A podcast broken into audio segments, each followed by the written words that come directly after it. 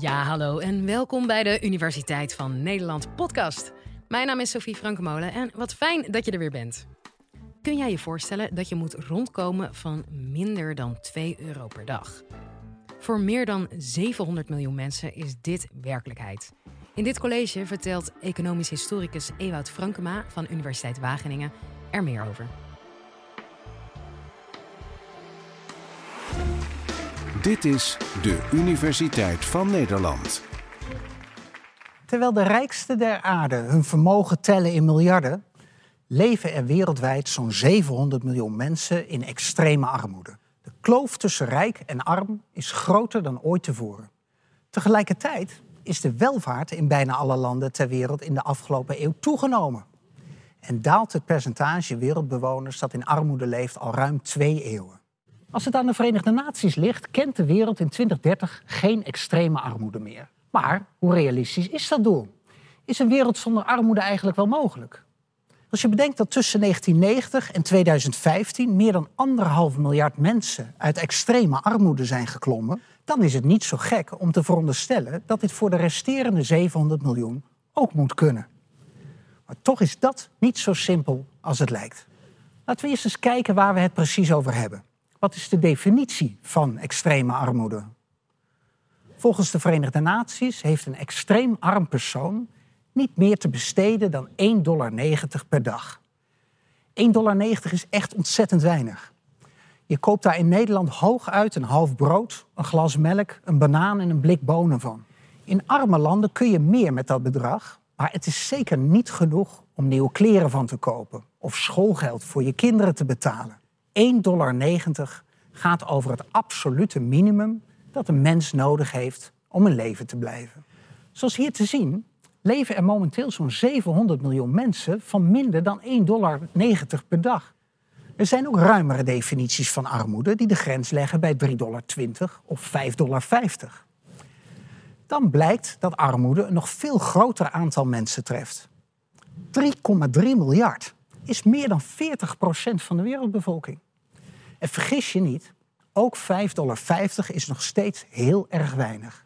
Nu heeft armoede niet alleen met koopkracht te maken, maar ook met andere zaken zoals toegang tot schoon drinkwater, elektriciteit, onderwijs en gezondheidszorg. Die verschillende dimensies van armoede hangen sterk met elkaar samen.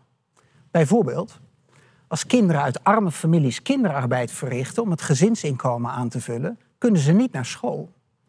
Daardoor hebben ze op latere leeftijd vaak minder kans op goed werk. En zo wordt armoede van generatie op generatie doorgegeven. Die visueuze cirkel noemen we de armoedeval. Nu zou je kunnen denken, in hoeverre heeft armoede invloed op hoe mensen zich voelen? Geld maakt niet gelukkig, toch? Dat is deels waar. Onderzoek naar de relatie tussen inkomen en geluk, of preciezer gezegd, hoe tevreden mensen zelf zeggen te zijn met hun leven, laat zien dat er een omslagpunt bestaat. Tot een jaarinkomen van ongeveer 10.000 euro, en dat is zo'n 30 dollar per dag, is er een sterk positief verband tussen inkomen en tevredenheid met het leven. Een belangrijk verschil is dat rijke mensen zich kunnen verzekeren om tegenslagen in het leven op te vangen. Een hoge ziekenhuisrekening, arbeidsongeschiktheid. Arme mensen hebben dergelijke vangnetten meestal niet. Zij moeten het vooral van familie en persoonlijke netwerken hebben.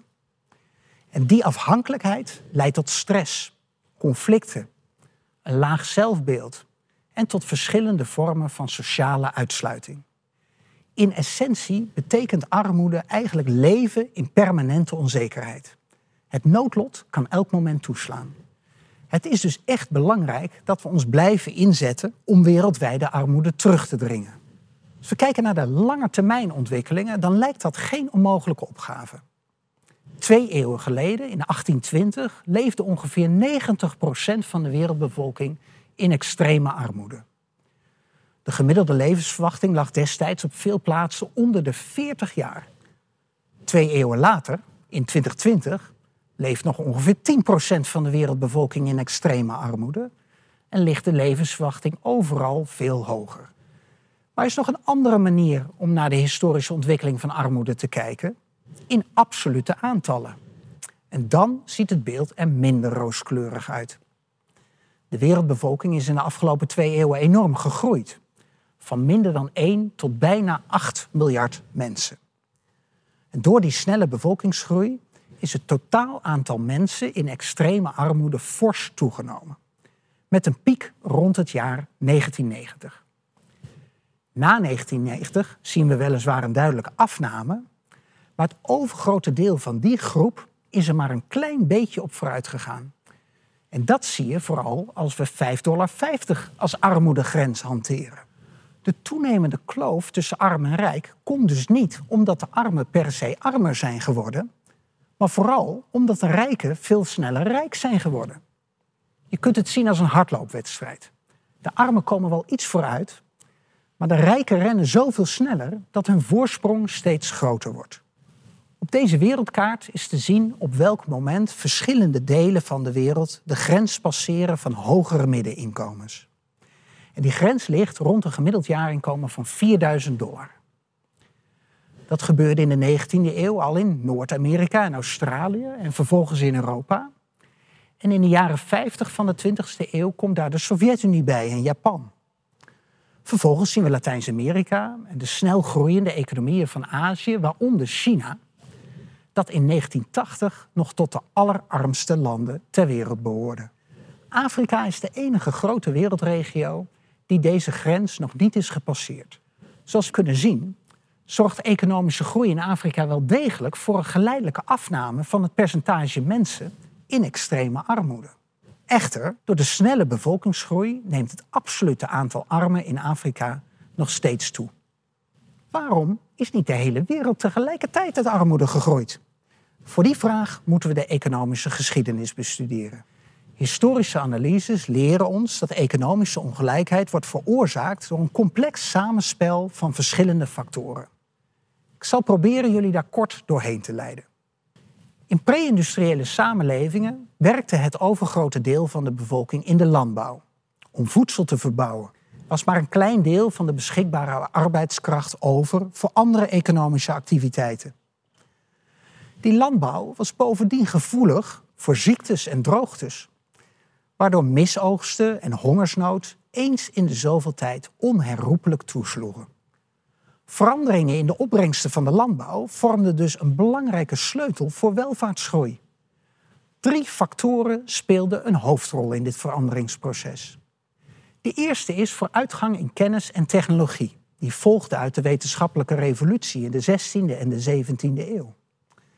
Die revolutie veranderde de manier waarop mensen de wereld begrepen en leverde gaandeweg nieuwe technieken op om de natuur beter te beheersen. De tweede factor is het grootschalig gebruik van fossiele brandstoffen, zoals steenkool en later ook olie en gas. Deze vervingen het gebruik van biomassa, zoals hout en turf en mens- en dierkracht. Nieuwe energie werd opgewekt met behulp van stoommachines, hete luchtsovens en verbrandingsmotoren. Die krachtbronnen maakten het mogelijk om op industriële schaal te produceren en te transporteren. Stoomtreinen en stoomschepen gaven een grote impuls aan de wereldhandel. De derde factor is een economisch systeem, het kapitalisme, waarin de markt centraal staat in het verhandelen en verdelen van productiemiddelen en goederen. Het kapitalisme maakte grootschalige investeringen in nieuwe industrieën mogelijk. De historische wortels van deze drie factoren gaan diep terug in de tijd. Maar ze kwamen samen in de industriële revolutie in de 18e en de 19e eeuw. Voor die ongekende welvaartsgroei betalen we ook een flinke prijs. Grondstoffen raken uitgeput en de biodiversiteit neemt in schrikbarend tempo af. Het kapitalisme is goed voor groei, maar heeft ook voor een hele scheve verdeling van de welvaart gezorgd. Toch is er ook goed nieuws.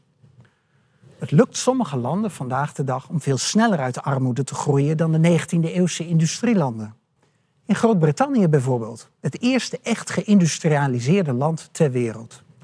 Daar bedroeg de economische groei lange tijd amper 1% per jaar. Ook de armen werden nauwelijks rijker. En op sommige plaatsen gingen de levensomstandigheden zelfs achteruit. Vooral in de stedelijke industriegebieden, waar kinderarbeid veel voorkwam. Later, in China, ging dat heel anders. Sinds 1980 groeide de Chinese economie met bijna 10% per jaar. En het aantal mensen in extreme armoede daalde van bijna 90% naar minder dan 1% in 40 jaar tijd. Armoedevrij in twee generaties. Dat is echt uniek. Waarom kunnen China en andere opkomende economieën zoveel sneller groeien dan hun voorgangers? De belangrijkste reden is dat zij veel bestaande technologieën kunnen overnemen, terwijl de vroege industrielanden de technologie juist moesten uitvinden. En dat er nu zoveel technologie beschikbaar is, biedt natuurlijk ook perspectief voor Afrikaanse economieën. Dan kan je je afvragen waarom heeft Afrika dan nog niet echt geprofiteerd van dat ontwikkelingspotentieel? Dit is een vraag waar wetenschappers al decennia over debatteren. Ik noem de vier belangrijkste argumenten in dat debat. Het eerste argument is dat de landbouw in Afrika last heeft van nadelige omstandigheden. Veel onvruchtbare gronden, droogtes, veel tropische ziektes. En juist de technologie om de landbouw productiever te maken is niet zomaar één op één over te nemen uit andere landen, omdat elk landbouwsysteem weer anders is. Het tweede argument is het tekort aan hoogopgeleide mensen. Voor het implementeren van technologie heb je kennis nodig.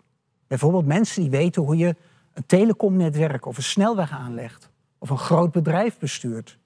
Zolang het onderwijs onvoldoende mensen opleidt of de hooggeschoolde mensen migreren naar andere landen, kan dat een belangrijke beperkende factor blijven. En dat lag in China anders.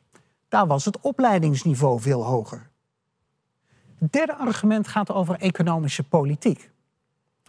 Overheden kunnen economische ontwikkeling bevorderen door belastinggeld te investeren in publieke diensten, zoals onderwijs, infrastructuur. Maar overheden kunnen ook armoede in stand houden met slecht bestuur, corruptie en vriendjespolitiek. Het laatste aspect heeft te maken met de concentratie van arme landen in één continent, in één regio. Het is veel moeilijker om uit armoede te groeien als je buren ook arm zijn. Je kunt je dan niet aan elkaar optrekken.